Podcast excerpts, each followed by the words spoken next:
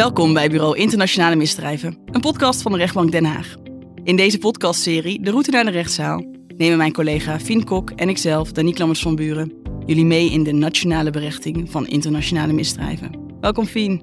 Dankjewel. In deze aflevering staat de rol van de advocaat eh, in deze zaken centraal. Onze gast van vandaag is André Sebrachts, eh, advocaat in Rotterdam. Welkom André. Dankjewel. De focus van deze podcast ligt op de behandeling van internationale misdrijvenzaken. Je bent als advocaat betrokken bij meerdere internationale misdrijven en terrorisme combinatiezaken. Ja. Dat zijn dus feiten waar zowel uh, terrorismefeiten als internationale misdrijven te lasten zijn gelegd. Hoe bouw je een vertrouwensband op met je cliënten in deze zaken? Want het zijn natuurlijk ook zaken waar uh, vaak eens de feiten in het buitenland hebben ja, plaatsgevonden. Dat, nee, dat, dat is best wel een beetje een ingewikkeld aspect hoor, aan dit, soort, uh, aan dit soort zaken. Het zijn vaak mensen die komen uit een hele andere cultuur dan, dan wij ook. Uh, met enige regelmaat ook mensen die geen Nederlands spreken of nauwelijks. Dus er moet ook nog eens een keer een tolk bij komen. En dan uh, wordt het voor mij ook wat ingewikkelder om in te schatten of wat voor niveau de mensen hebben. Hè? Of ze een hoog opleidingsniveau hebben, uh, of ze intelligent zijn of niet. Het maakt allemaal een beetje uit van hoe ik met ze praat en hoe het dossier met ze bespreek en, en hoe ik de strategie dan bespreek. Dus um, ja, dat is vaak een kwestie van proberen veel tijd met ze door te uh, brengen en heel langzaam een vertrouwensband op, opbouwen. Met name langzaam ook hoor, want weet je wat je ook een klein beetje hebt, doordat mensen soms uit een hele andere cultuur komen dan de Nederlandse, is het extra moeilijk om een band op te bouwen. Omdat mensen, en dat begrijp ik ook wel, die cliënten die hebben zoiets van, wacht eventjes, deze advocaat die wordt hier naartoe gestuurd door de politie, naar mij. En ik begrijp ook dat de politie, of in ieder geval de overheid, hem gaat betalen en niet ik. En die man staat dus volledig aan mijn kant en ik moet hem alles kunnen vertellen. Dat duurt gewoon echt even. Dus uh, in ieder geval altijd belangrijk, en, en zo bespreken we dat ook met de kantoorgenoten, niet te veel pushen.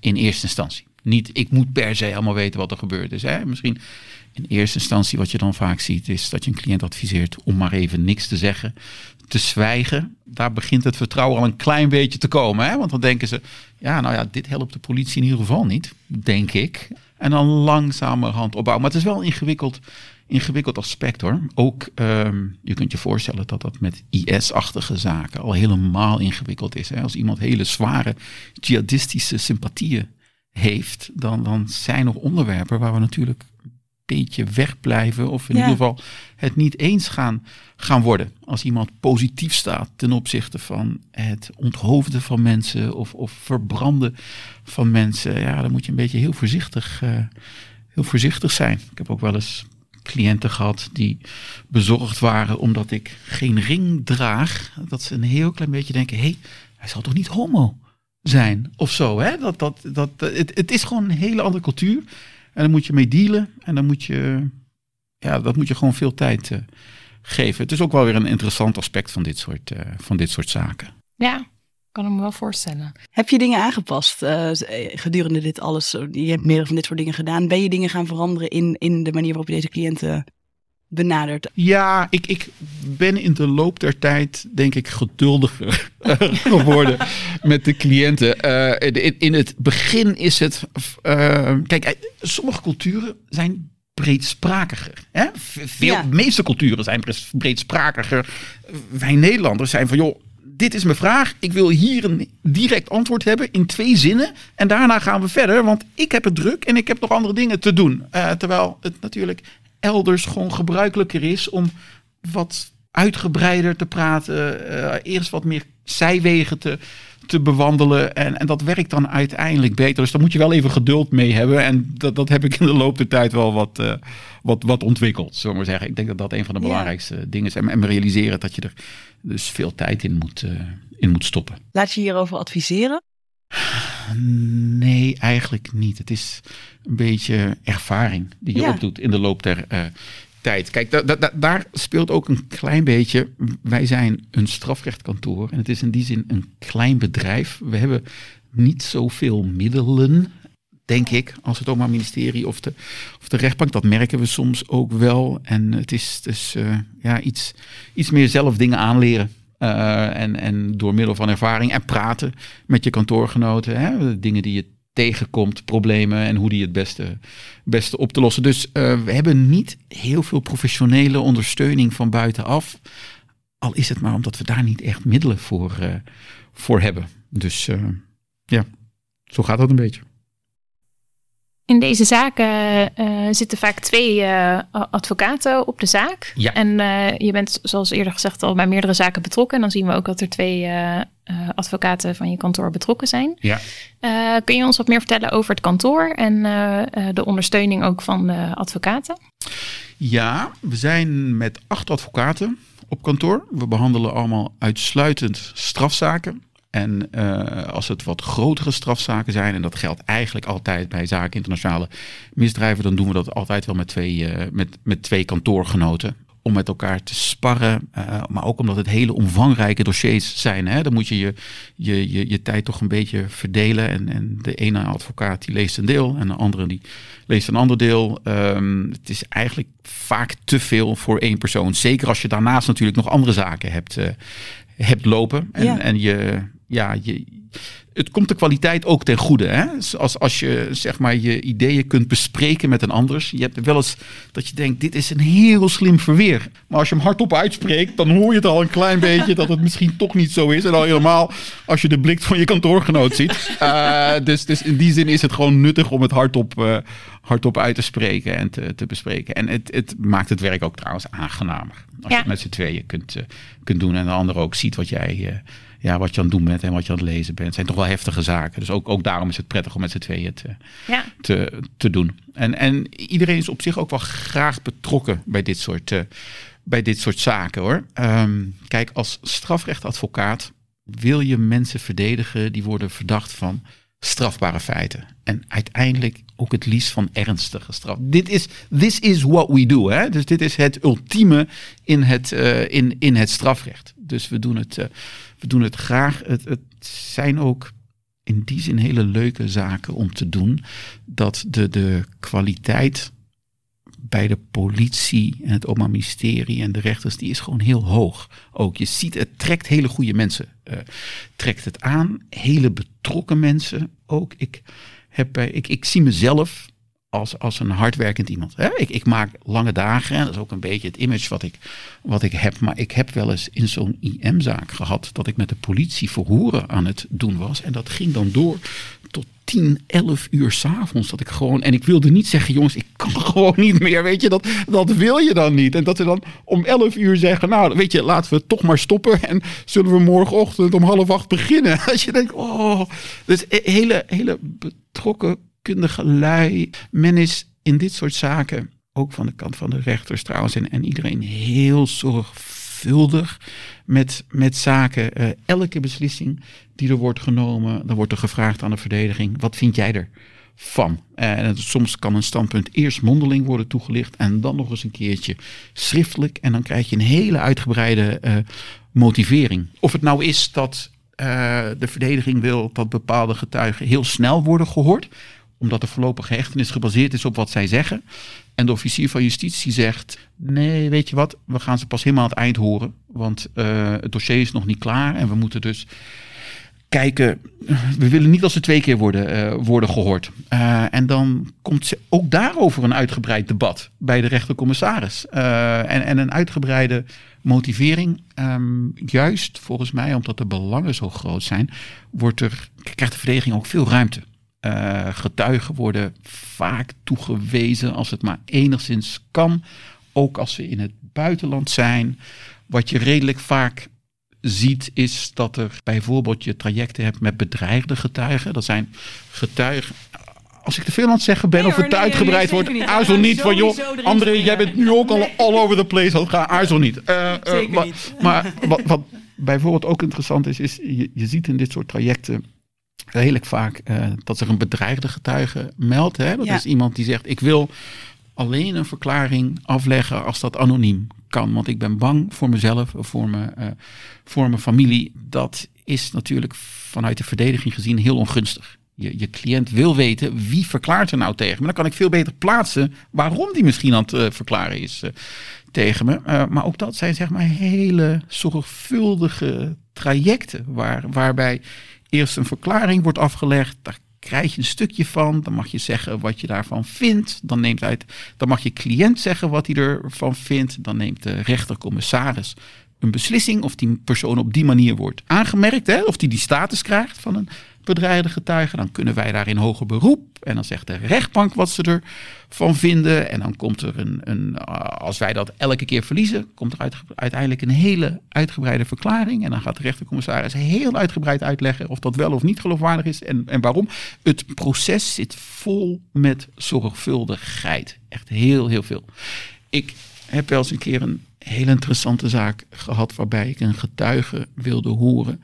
Die bevond zich in een land waar wij geen rechtshulprelatie mee hebben. Ja. En uh, dat, dan krijg je natuurlijk hele ingewikkelde discussies met soevereiniteit. Hè? Dat Nederland kan niet zo makkelijk een getuige gaan horen in een land waar wij geen rechtshulprelatie hebben. Normaal gesproken gaat het zo, als wij een getuige willen horen in een ander land, dan vragen wij uiteraard keurig aan dat land, ja. mag dat? Hè? En, en dan gaat dat in, in samenspraak met die autoriteiten. En die autoriteiten zijn dan ook aanwezig en die bepalen dan wat de regels zijn. Maar dat kon nu dus allemaal niet. En uiteindelijk werd er voor een, een, een, een, een, modus gekozen waarbij men zei van ja, wij, wij kunnen dat gewoon niet doen. Dat is niet acceptabel. Maar meneer Sebrechts, als u dat wilt doen in uw kantoor met een videolink met die persoon wilt praten, dan komen de rechter en de officier van justitie wel naar uw kantoor om erbij te zitten en mee te luisteren en misschien ook een aantal vragen uh, te stellen. Men zoekt heel erg naar de mogelijkheden om de rechten van de verdediging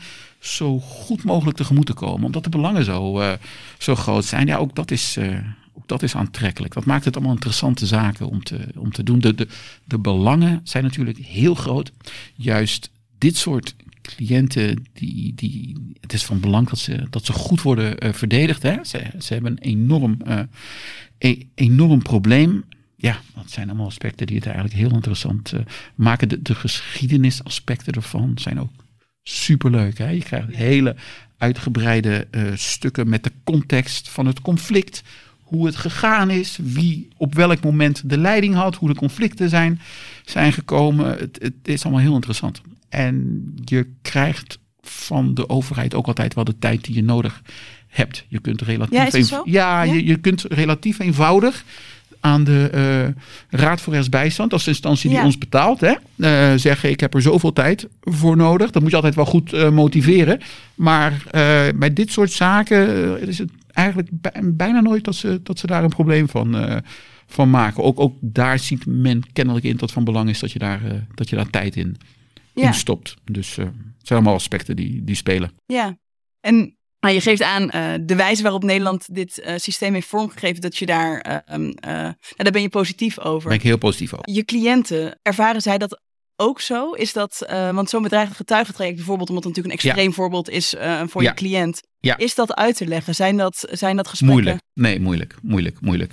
kijk, men, men komt uit hele andere culturen, waarbij men dus heel moeilijk begrip kan opbrengen voor zo'n anonieme getuige. Dat begrijp ik natuurlijk heel goed. En mensen komen soms ook uit culturen waarbij uh, er heel veel conflict is tussen clans, hè? Verschillende, verschillende clans. En als er dan iemand uit een andere clan tegen jou verklaart, dan, dan, ja, dan vindt men dat ik zou in hun optiek uiteraard onbegrijpelijk. Van, joh, maar je weet toch dat hij uit die clan komt? Hoezo kan die verklaring dan tegen mij worden gebruikt? Of ook soms zelfs ja, maar het is maar een verklaring. Hoezo kan dat als bewijs gelden? Die persoon zegt dat er iets gebeurd is. Ik heb uitgelegd dat het niet gebeurd is. Dan, dan, dan kan je dat toch niet, niet gebruiken?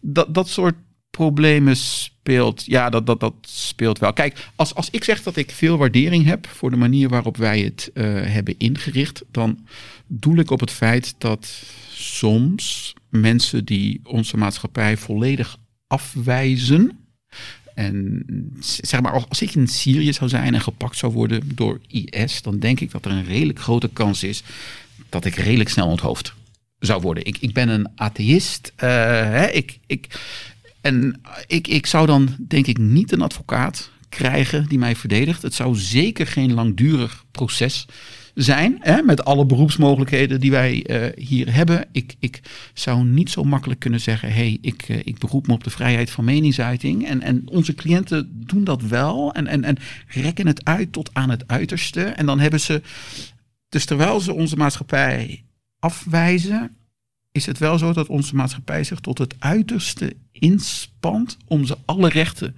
te geven. En, en er zijn dus advocaten, uh, ik niet zozeer hoor, maar van uitstekend niveau, die ook heel hard werken om te zorgen dat, dat de belangen van deze mensen heel goed worden uh, behartigd. Daar ben ik heel trots op ben ik echt heel trots op zoals dat geregeld uh, is. Dat vind ik, dat vind ik heel mooi. En, ja. en zo is het wel geregeld. En we krijgen dus ook, uh, ja, we krijgen fatsoenlijk betaald. We krijgen de middelen, we krijgen de mogelijkheden. Dat is, ja, dat is echt goed. Tenminste, dat, dat, dat is als, als aspect waar ik zo, zo, zo tevreden over ben. Um, maar het is soms inderdaad dus wel moeilijk uit te, uit te leggen. Men, men komt bijvoorbeeld soms ook, de, de cliënten komen soms ook aanzetten met getuigen die in onze optiek minder relevant zijn. Ja. Uh, maar zij hebben gewoon een andere focus op een, op een zaak. Hè? Stel je voor, er is een belastende getuige en wij hebben echt wel duidelijk kunnen maken voor iedereen dat dat niet zo'n betrouwbare getuige is. Hè? Omdat hij heel tegenstrijdig verklaart, innerlijk tegenstrijdig. Sommige dingen ook die onmogelijk zijn. En, en dan heeft zelfs de officier van justitie gezegd ja, deze verklaring, daar zitten echt wel wat uh, punten aan. En ook de rechtbank laat dat dan doorschemeren. Dan, dan is het wat ons betreft klaar. Hè? If it ain't broken, don't fix it. Laat het gewoon zo het probleem oplossen. Maar dan kan het zijn dat cliënten toch heel graag heel veel getuigen willen horen over de leugenachtigheid van de. En dat snap ik Ja. ook wel, maar dan, dan is daar meer de focus. Soms is het dus ook een beetje belangrijk om uit te leggen waar het onze rechters om gaat en waar we ons moeten focussen in een, eh, in een zaak. Nou ja, dat blijft een continu een, een, een discussie. En Ja. wat ik al zei, een beetje extra ingewikkeld als je niet zo goed kunt inschatten of dat iemand een hoog opleidingsniveau heeft of juist niet, of, of een hele andere kijk heeft. Maar soms ook op tijd, hè, dat dat voor ons heel relevant is, tijdlijnen. En dat zij soms kunnen denken, de cliënten, ja, wat een gedoe allemaal. Waarom blijf je daar de hele tijd over door, eh, doorzeuren? Ja, want als Eh, advocaat heb je natuurlijk ehm, de mogelijkheid om, ehm, en als advocaat, maar natuurlijk ook als officier van justitie, om onderzoekswensen in te dienen. ja, Dat kan, waar we het al even al over hadden, het horen van getuigen zijn. Hoe maak je die keuzes eigenlijk? Dat, dat, dat, Oei. dat, oh, ja, oei. Ja. ja. precies. En ik wil hem nog lastiger maken door ook te vragen. st- zojuist refereerde je ook aan het belang van context. En dat je dus van het Openbaar Ministerie vaak een soort van contextrapportage krijgt. waarin Ja. het conflict wordt uitgelegd. Ja, Ik kan me voorstellen dat daar soms eh, op- of aanmerkingen op zijn van de Ja. kant van de verdediging. ja, Wat doe je wel, wat doe je niet? dat is onderzoekswensen. Dat is zo moeilijk van de kant van de verdediging. Zeker, ja, ik kan me voorstellen. Eigenlijk. Want ehm, kijk, soms is ons belang waarheidsvinding, maar niet altijd. Niet per definitie. Hè? Wat wij doen is eenzijdige belangenbehartiging. Eh, we, we liegen niet. We zeggen niks wat niet waar is. Als we weten dat een getuige liegt, dan brengen we hem ook niet naar voren. Maar we, we behartigen eenzijdig de belangen van onze cliënt. Dus als wij denken dat een getuige iets zou kunnen zeggen wat eh, slecht is voor onze cliënt of het slechter maakt, dan moeten we die getuige niet horen. Eh, bij, bij ons wordt op kantoor grappend wel eens gezegd: ja, weet je, waarheidsvinding, dat kan elke gek. Dat is super makkelijk. Gewoon, eh, je stelt elke vraag die je wil en je ziet wel waar het schip, waar het schip strandt. Maar bij ons is dat een hele, hele zorgvuldige afweging waar heel veel over gepraat wordt. Wat zijn de risico's van deze getuigen? Want het laatste wat je wil als advocaat is natuurlijk dat je een zaak slechter gemaakt hebt voor je cliënt. Hè? Dat is natuurlijk de ultieme nachtmerrie. Ja. Dat, dat, het, eh, dat, het, eh, dat het bewijs een beetje twee kanten had kunnen uitgaan. En doordat jij deze getuige hebt aangebracht, is het bewijs dichtgetimmerd. Dus we, we, we zijn daar eigenlijk over het algemeen heel terughoudend in, voorzichtig in. Je cliënt zegt wel tegen je wat de getuige kan verklaren. Ja, dat klopt soms, maar soms klopt het ook niet. We hebben daar ook wel eens ongelukkige ervaringen mee gehad, hè, waarbij je het dus wel Ja. slechter hebt gemaakt. Dus dat maakt je ook een klein beetje terughoudend. En, en waar we ook heel, heel voorzichtig altijd mee moeten zijn. Dat geldt niet eens zozeer alleen in dit soort zaken hoor, maar dat als je de indruk hebt dat een getuige iets gaat zeggen wat niet waar is, ja, dan kunnen we die niet naar voren brengen. Dat geeft natuurlijk ook soms spanningen. Hè? Dat je, eh, eh, we hebben wel eens zeg maar, het verzoek gehad van een getuige, wat moet ik zeggen? Dan denk ik, ja, maar dan begrijp je gewoon niet hoe dit werkt. Oh, wat, wat, wat het doel is. Wat, dat, dat, dat, is gewoon niet zoals het, eh, zoals het gaat. Dus wat wel en wat niet. Meestal minder dan meer zullen we maar zeggen. Uh, soms moet je wel een risico nemen. Als er heel veel bewijs is, dan is er misschien ook niet zoveel te verliezen. Want kijk, de, de, de ultieme nachtmerrie bij de verdediging is... er was weinig bewijs en jouw getuigen die hebben het slechter gemaakt. Maar de andere nachtmerrie is, en die, daar moet je altijd natuurlijk heel goed rekening mee houden... is dat het echt is zoals jouw uh, cliënt zegt... en dat je alles uit de kast had moeten halen. Ja. Um, dus dat dat blijft altijd een beetje een lastige, lastige afweging. Want dat kan ook, hè? Dat als, als jij veel meer getuigen had gehoord, dat het dan beter was geworden. Dus dat, daar is geen pasklaar antwoord op. Het blijft een hele moeilijke afweging. Uh, hele moeilijke afweging, elke keer. Maar in zijn algemeenheid wat minder getuigen meestal. En anders dan in andere, nou ja, tenminste, ik denk anders dan in andere zaken, maar ik hoor graag um, hoe je erover denkt. We hebben begrepen van de, de, gesprekken met de politie, met de officier van justitie, is dat ze in dit soort zaken best wel eerst dossier gaan bouwen. Uh, het zijn geen heterdaadjes. Nee. Het wordt echt gebouwd en dan op een gegeven moment wordt de verdachte aangehouden. Ja.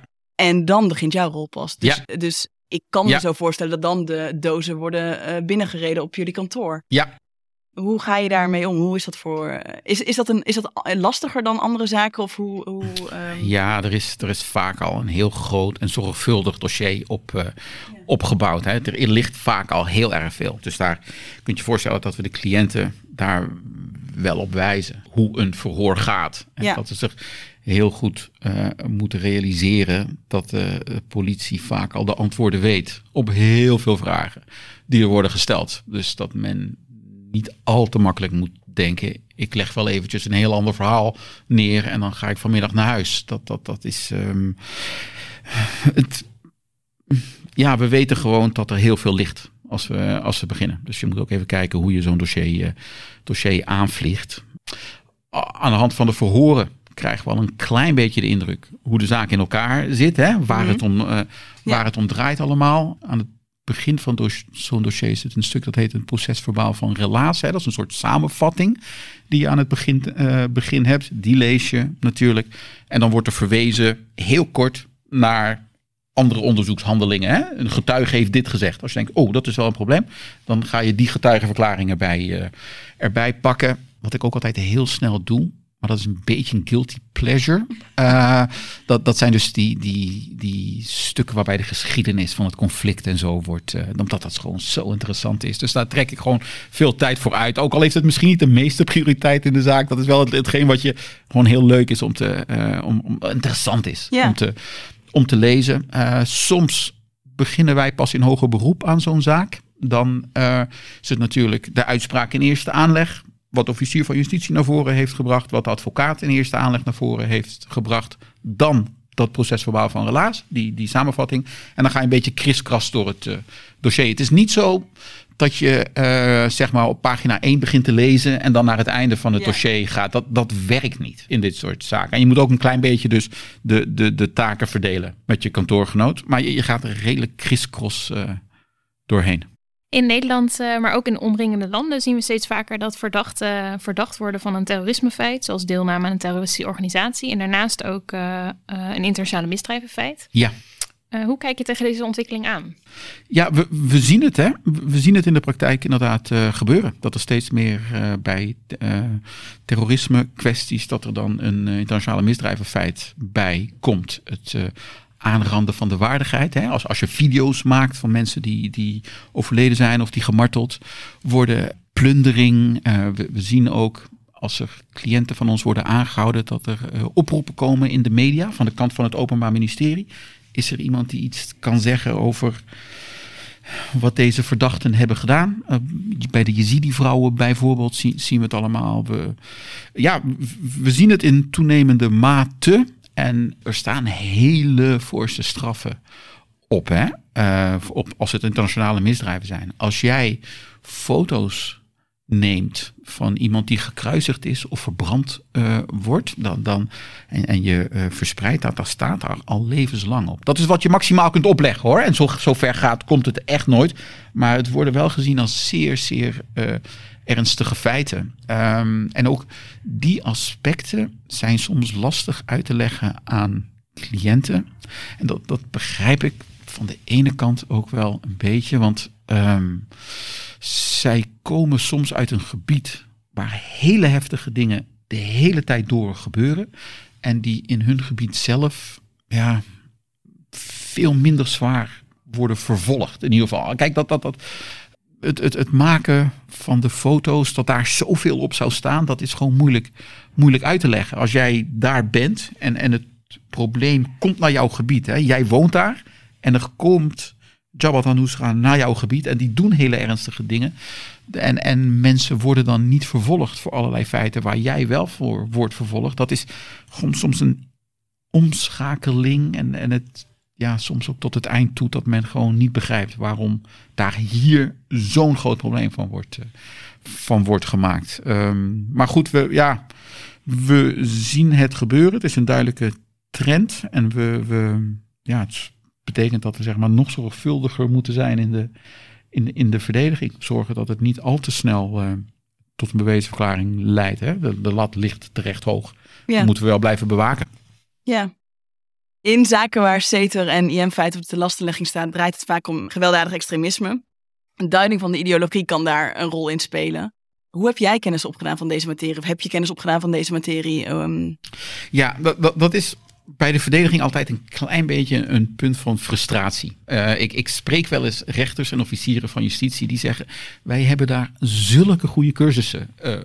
Hè, zulke, mensen, zulke mensen die er zoveel verstand van hebben, zo uitgebreid, daar zou de advocatuur ook eigenlijk bij moeten zijn. Maar wij krijgen daar dus geen uitnodiging voor, helaas. Uh, dus wat wij opdoen, dat is door ervaring. Door wat we lezen in de dossiers, door wat we horen van onze uh, cliënten. Dan, dan in de loop der tijd lees je wel veel, maar wij hebben dus minder, ja, minder cursussen. Of wat, ja, weet je, we staan gewoon een beetje op achterstand qua middelen. Nou, nou uh, krijg je op een gegeven moment wel je specialisaties op kantoor, doordat je het veel doet. Hè? En je hoort veel, dus in, inmiddels weten we wel het een en ander. Maar uh, het is iets minder aan de kennelijk uitstekende cursussen die er, eh, die er bestaan. Dat, dat hebben we gewoon wat, wat minder. En er worden speciaal voor ons ook wat minder cursussen verzorgd, omdat het zo'n kleine niche is. Uh, dus um, ja, als we er geld aan zouden uitgeven, dan moet wel een, een, een, een cursusverzorger die moet zeggen: we gaan een cursus geven over jihadisme.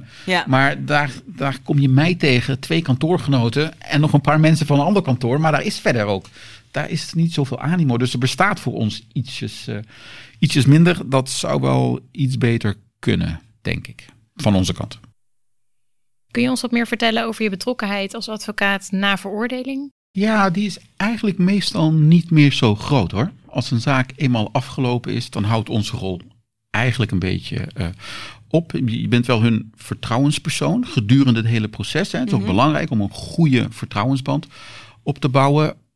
Maar het is uiteindelijk wel een zakelijke uh, relatie. En als we niks zakelijks meer te bespreken hebben, de verdediging die we moeten doen, dan hebben wij eigenlijk nooit meer, nooit meer contact. Komt volgens mij ook een klein beetje omdat je eigenlijk altijd al de tijd tekort komt voor de verdediging. Hè? Dingen die je echt moet doen. Dus, dus dit, uh, dit, dit is eigenlijk niet iets wat we, wat we doen. Tenzij de cliënten nadat de zaak onherroepelijk is geworden naar ons toe komen met nieuwe problemen in de detentie. Maar dat is dan rechtsbijstand die we zouden, uh, die we zouden verlenen. Um, problemen die veel cliënten hebben, zeker in CETER-zaken. Uh, als ze de Nederlandse en de Marokkaanse nationaliteit hebben, dan ja. kunnen ze geen afstand doen van de Marokkaanse nationaliteit. Hè? Dat kan gewoon niet. Zo zit hun wetgeving in elkaar. En als je twee nationaliteiten hebt, dan kan men je na een onherroepelijke veroordeling voor een terrorismefeit, kunnen ze je de Nederlandse nationaliteit afpakken. Nou, dat is iets wat speelt bij heel veel cliënten. Dus dan nemen ze vaak nog wel contact op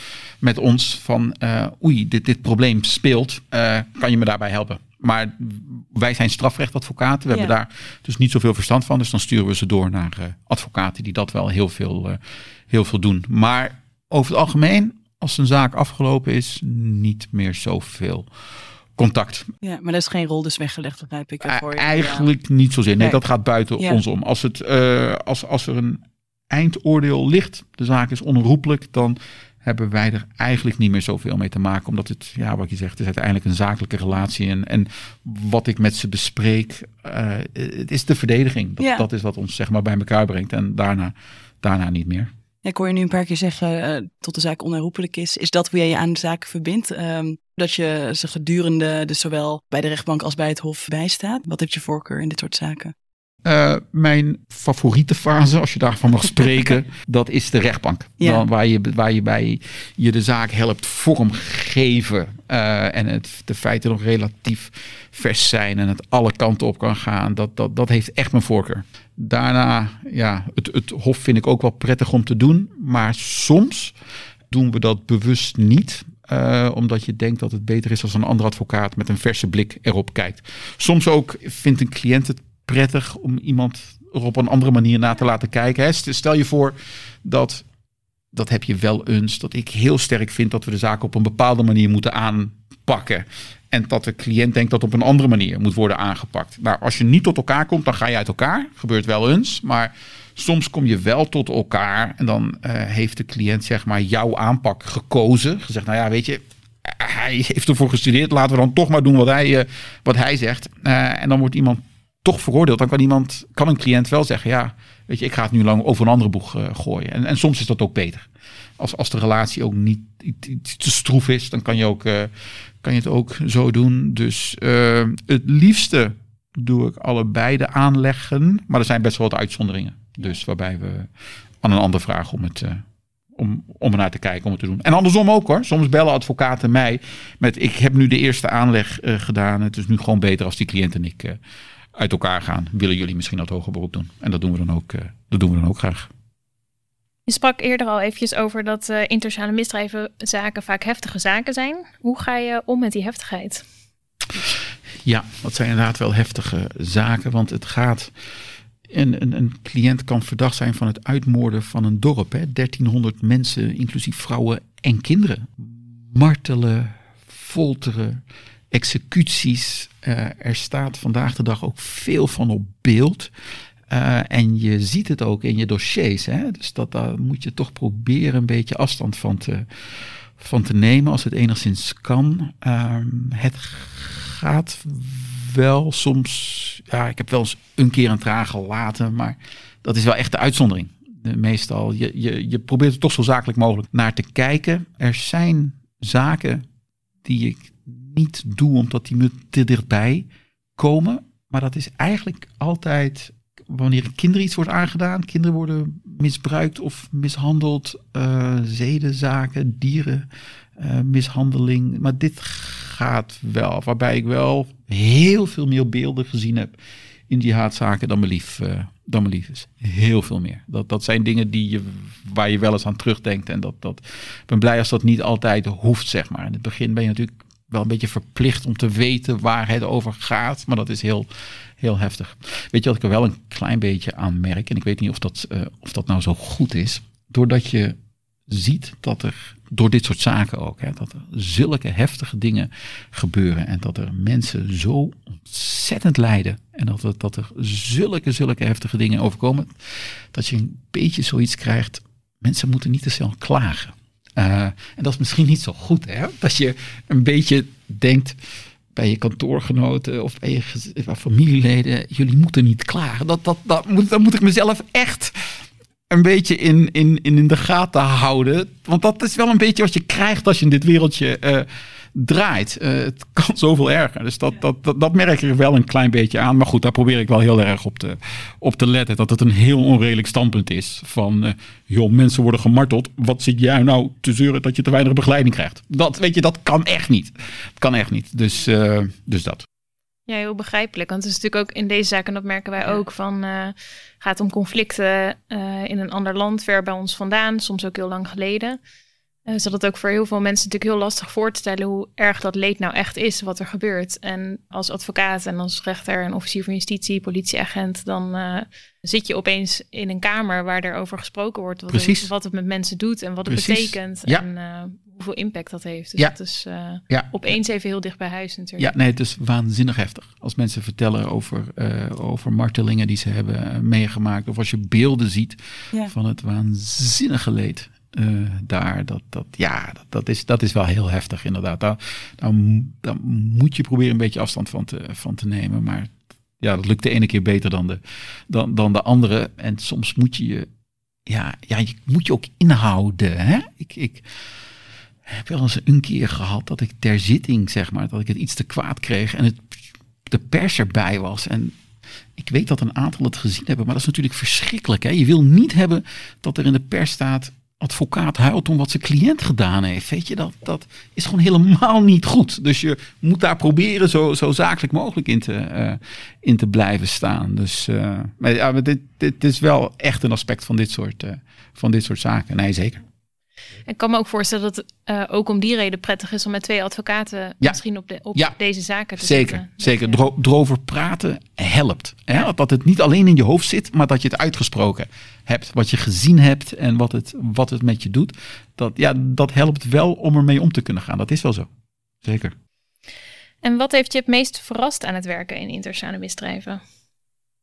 Um, ik denk de enorme zorgvuldigheid. Die dus nog veel meer is dan in andere uh, soorten zaken. Hè? Dat je makkelijker je onderzoekswensen uh, toegewezen krijgt. Dat je overal jouw mening over gevraagd wordt. Er gebeurt niks buiten de verdediging. Om uh, rechters motiveren, alles heel uitgebreid. Dat, dat is een hele prettige ervaring. Vanuit de verdediging gezien is dat gewoon heel prettig om te, om, om te zien. Um, je staat diverse dames bij die zich in de kampen in, uh, in en rondom Syrië bevinden. Ja. ja. Uh, deze dames hebben ook kinderen en je hebt daar, je daar erg voor ingezet om deze ja. terug te halen. Kun je ja, daar wat over vertellen? Voor ons kantoor was dat een beetje activisme. Je hebt gelezen misschien dat er onlangs uh, 12 vrouwen, 29 kinderen, 28 kinderen zijn teruggebracht. Eerder ook al uh, 11 kinderen en daarvoor ook nog een paar wezen. En daar hebben we heel veel moeite in gestoken voor uh, door kantoor. En dat was een beetje activistisch, omdat we vonden dat die kinderen terug moesten komen. Die hebben niks verkeerd gedaan en die zaten in die kampen onder erbarmelijke omstandigheden. En, en je kunt je voorstellen dat daar best wel wat discussies over zijn geweest, ook op kantoor, van hoe activistisch moet je je opstellen. In Nederland is het natuurlijk niet gebruikelijk dat een advocatenkantoor zich activistisch opstelt. Hè? In, in Amerika zie je dat, in Engeland zie je dat. En de vraag is dan een beetje, ga je niet een beetje aan geloofwaardigheid verliezen als je het niet afstandelijk juridisch bekijkt, maar wat activistischer, uh, om een beetje gechargeerd te zeggen. André, sta jij weer met je voeten te stampen op tv? Dat kan de geloofwaardigheid wat ondermijnen. Dat is onverstandig. Lastige discussies. Dat, nou, maar ook wel weer heel interessant. Want wat, wat wij wilden is zoveel tot zoveel mogelijk vrouwen en kinderen daar en hun familieleden weten dat we ermee bezig zijn. Zodat ze contact met ons opnemen, zodat we ze terug kunnen krijgen. Dus dat, dat maakt dat je ook zichtbaar daarin moet, moet zijn. En dat is echt een beetje vechten tegen de bierkaai. Althans, daar heeft het echt lang op geleken. Hè? We hebben kort gedingen gevoerd. Uh, met name een beetje gebaseerd op humanitair oogpunt. We zijn verplicht om ze terug te uh, halen. En dat hebben we gewonnen in eerste aanleg, maar verloren in hoger beroep. Uh, en toen uiteindelijk kwam er een andere strategie die bedacht was door, een, door, door, andere advocaten, maar die uiteindelijk briljant bleek te werken. Waar het uiteindelijk op neerkwam was, bij al deze vrouwen hing een strafzaak boven het hoofd. Dat had het Openbaar Ministerie in het openbaar gezegd. Maar deze vrouwen die lieten ook weten dat ze bij een strafzaak aanwezig wilden zijn. Dat hadden ze aan mij laten weten. Je kon via via contact met ze krijgen, ook via WhatsApp en, uh, en anderszins. En in Nederland werkt het zo dat als je zegt dat je per se bij je zaak aanwezig wil zijn, dat die zaak eigenlijk niet door kan gaan. Dus toen hebben wij verzoeken ingediend bij de rechtbank en we hebben gezegd, ja, die vrouwen willen er zijn, dus Niemand gaat ze ophalen. Dus beëindigt die strafzaken maar. Want er gebeurt gewoon helemaal niks. En strafzaken kunnen niet eindeloos iemand boven het hoofd blijven uh, hangen. En toen zei de rechtbank dus. Ja, daar zit eigenlijk wel wat in. Dus, dus laten we even maar de gelegenheid geven aan uh, de staat om die vrouwen terug te halen. En uh, als het niet gebeurt, dan gaan we op een gegeven moment gaan we het inderdaad wel beëindigen. En dat wil de politiek Nederland uiteraard niet. Want als zo'n zaak eenmaal beëindigd is, dan is die definitief geëindigd. En dan kan je, heb je ook geen enkele controle meer over die vrouwen als ze op een gegeven moment terugkomen. Geen enkelbanden, geen reclassering, geen, geen laptops, niet bepaald. Dus dat, dat zou echt onacceptabel zijn. Toen heeft uh, het kabinet nog heel lang tegen gesputterd. Hè? Men wilde het niet uit politieke het politiek oogpunt. Um, maar op een gegeven moment zei de rechtbank wel van nou, nu gaan we het echt wel beëindigen als, het niet, uh, als ze er niet komen. En toen zijn ze dus uiteindelijk, uh, uiteindelijk gekomen. Maar ook, ook, ook daar is de vraag een beetje hoe ver moet je gaan in je, uh, in je activisme. Hè? De, een, een van de belangrijkste argumenten van de Nederlandse staat om die vrouwen niet op te halen was: het is te gevaarlijk om iemand van ons daar naartoe te sturen om ze op te halen. En terwijl de Nederlandse staat dat zei, liep continu liepen er journalisten in en, uit, in en uit, familieleden liepen in en uit, psychologen. Je bent er zelf geweest ook, toch? Weet je, en tegen de tijd dat een advocaat daar naartoe gaat, weet je dat.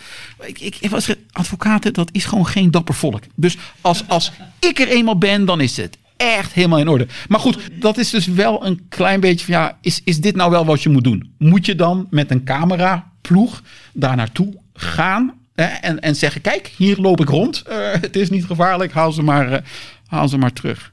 Ook daar kan je een beetje voorstellen. Um, ook, ook wel voor ons interessant. Uh, die vrouwen lopen daar in een volledige burka rond. en je kunt je voorstellen dat wij zeggen: voor de welwillendheid thuis bij de kijker kan dat misschien even af. Het is gewoon net een ander beeld, beeldvorming. Uh, maar dat, dat willen de vrouwen daar dan helemaal niet, omdat het ook daar zo gevaarlijk is voor ze als ze dat zouden, zouden doen. Hè. Het zijn allemaal dingen waar ik eigenlijk niet zo'n rekening mee had gehouden. Dat als ze zonder gezichtsbedekking op tv zouden komen, dat ze dan weer gevaar kunnen lopen van andere vrouwen uh, daar. Maar het maakt het allemaal des te, des te interessant, zullen maar zeggen. Het, het, het is gewoon een heel interessant rechts, rechtsgebied.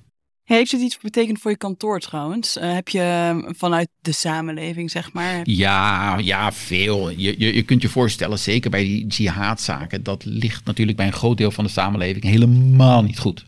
Uh, er zijn cliënten weggelopen dat we dat soort zaken uh, doen. Een beetje vanuit het idee, uh, ik ben een keurige drugsdealer. En dat, dat tuig waar jij mee te maken hebt, dan wil ik gewoon niks, wil ik gewoon niks mee. Dus ik zoek wel iemand anders. Um, omdat het zaken zijn die vaak meer belangstelling krijgen van de pers ontstaat op een gegeven moment een klein beetje het idee dat je een jihadkantoor bent. En dat is natuurlijk ook niet goed voor de beeldvorming. Niet altijd. Sommige cliënten blijven dan ook weg omwille van dat soort zaken. Uh, je krijgt heel veel haatmail, uh, soms ook bedreigingen. Uh, mensen die bellen en boos zijn.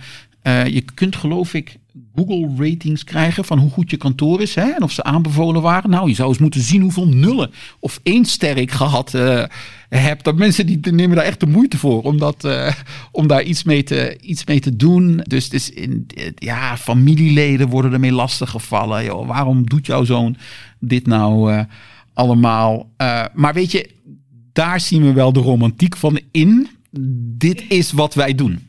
Wij zijn advocaten wij staan mensen bij die door iedereen worden uitgekotst. En, en nog steeds doen we dat. Wij, wij, wij, daar zitten wij niet zo mee. We, we, we merken het wel, maar dit, juist daar, dan komt het erop aan. Hè? Dit, is, dit is echt gewoon wat wij doen. Tegen het maatschappelijk sentiment in mensen verdedigen. En als het enigszins kan, niet zo'n beetje goed. Maar echt, echt je beste doen voor deze lui. Ja, dat, dat is... Uh, dat is een beetje zoals het, uh, zoals het hoort en zoals we het, graag, uh, zoals we het graag doen. Zeker, voor jezelf begrijp ik dat volledig. Maar, want we hebben het net gehad even over de impact van de zwaarte van de, van de zaken. Ja. Maar dit is een heel ander aspect van impact voor, voor jezelf. Nou, misschien kun je dat op deze manier, ja. Uh, nou ja, Dat, dat je die rol aanneemt. Ja. Maar er staan mensen naast, achter en misschien soms voor je. Ja, nee, dat, dat is voor hun wel heftig hoor. Ja. Dat is voor hun wel heftig. Um, het was gehad dat mijn vader contact met me opnam. Dat ik op bepaalde websites stond. Of wat mensen over me zeiden. Of dat mensen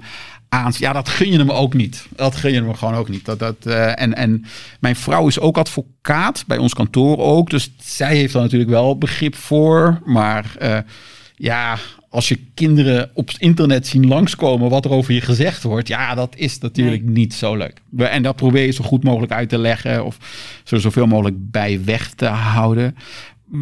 Maar ze snappen ook dat dit is wat wij doen en wat moet gebeuren en dat je daar niet zoveel van aan moet trekken. Dit is ook niet een vak wat je moet doen als je daar veel van aantrekt. Hè? Kijk, want weet je wat we wel heel sterk hebben? Wij vinden dat in dit vakgebied heel veel mensen zijn die erg dapper zijn. Ik bedoel niet in de advocatuur, maar, eh, of niet in eerste instantie in de advocatuur, maar bij rechters en officieren van justitie. Mensen hebben een rechte rug, moeten dat ook hebben, hè, want ook zij krijgen allerlei problemen. En dan moet de advocatuur dat ook hebben. Wij moeten ook een rechte rug uh, houden. Dat, dat is zo, zo belangrijk. Dus daar, daar, geloven, we wel echt, geloven we echt sterk in hoor. Ik denk dat dit een prachtige afsluiting is van dit gesprek. Wij vragen altijd om al onze gasten om een kijk, lees of luistertip op dit gebied. Heb jij en voor onze luisteraars zo'n tip?